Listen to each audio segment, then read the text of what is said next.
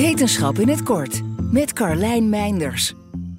Het alpha-gal-syndroom is een aandoening waarbij patiënten na het eten van dierenvlees, zuivel en sommige medicijnen een uitgestelde allergische reactie krijgen als gevolg van tekenbeten. De teek die dit veroorzaakt komt vooral voor in de VS, maar verspreidt zich inmiddels verder dankzij klimaatverandering. Het is dan misschien vrij zeldzaam. Met 15.000 gevallen per jaar in de VS is het aantal mensen dat deze aandoening krijgt aan het toenemen. Een ander probleem: vrijwel de helft van het zorgpersoneel in de VS dat ze hebben ondervraagd, heeft nog nooit van de ziekte gehoord.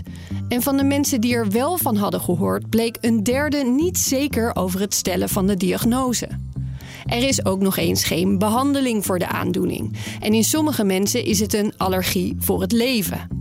Nog een reden dus om die tekencheck toch echt te doen als je de natuur in bent geweest. Of toch die bedekkende kleding aan te trekken, vergeet de hoge sokken niet, als je door de bosjes gaat struinen.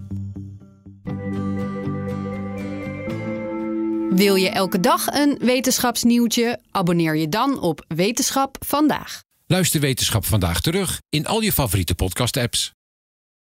Ook Liesbeth Staats vind je in de BNR-app. Ja, heel handig. Luister live naar Kees en mij tijdens de Daily Move. Dan blijf je ook gelijk op de hoogte van breaking news en het laatste zakelijke nieuws. En daar vind je ook alle BNR-podcasts, waaronder de Perestrooikast. Download nu de gratis BNR-app en blijf scherp.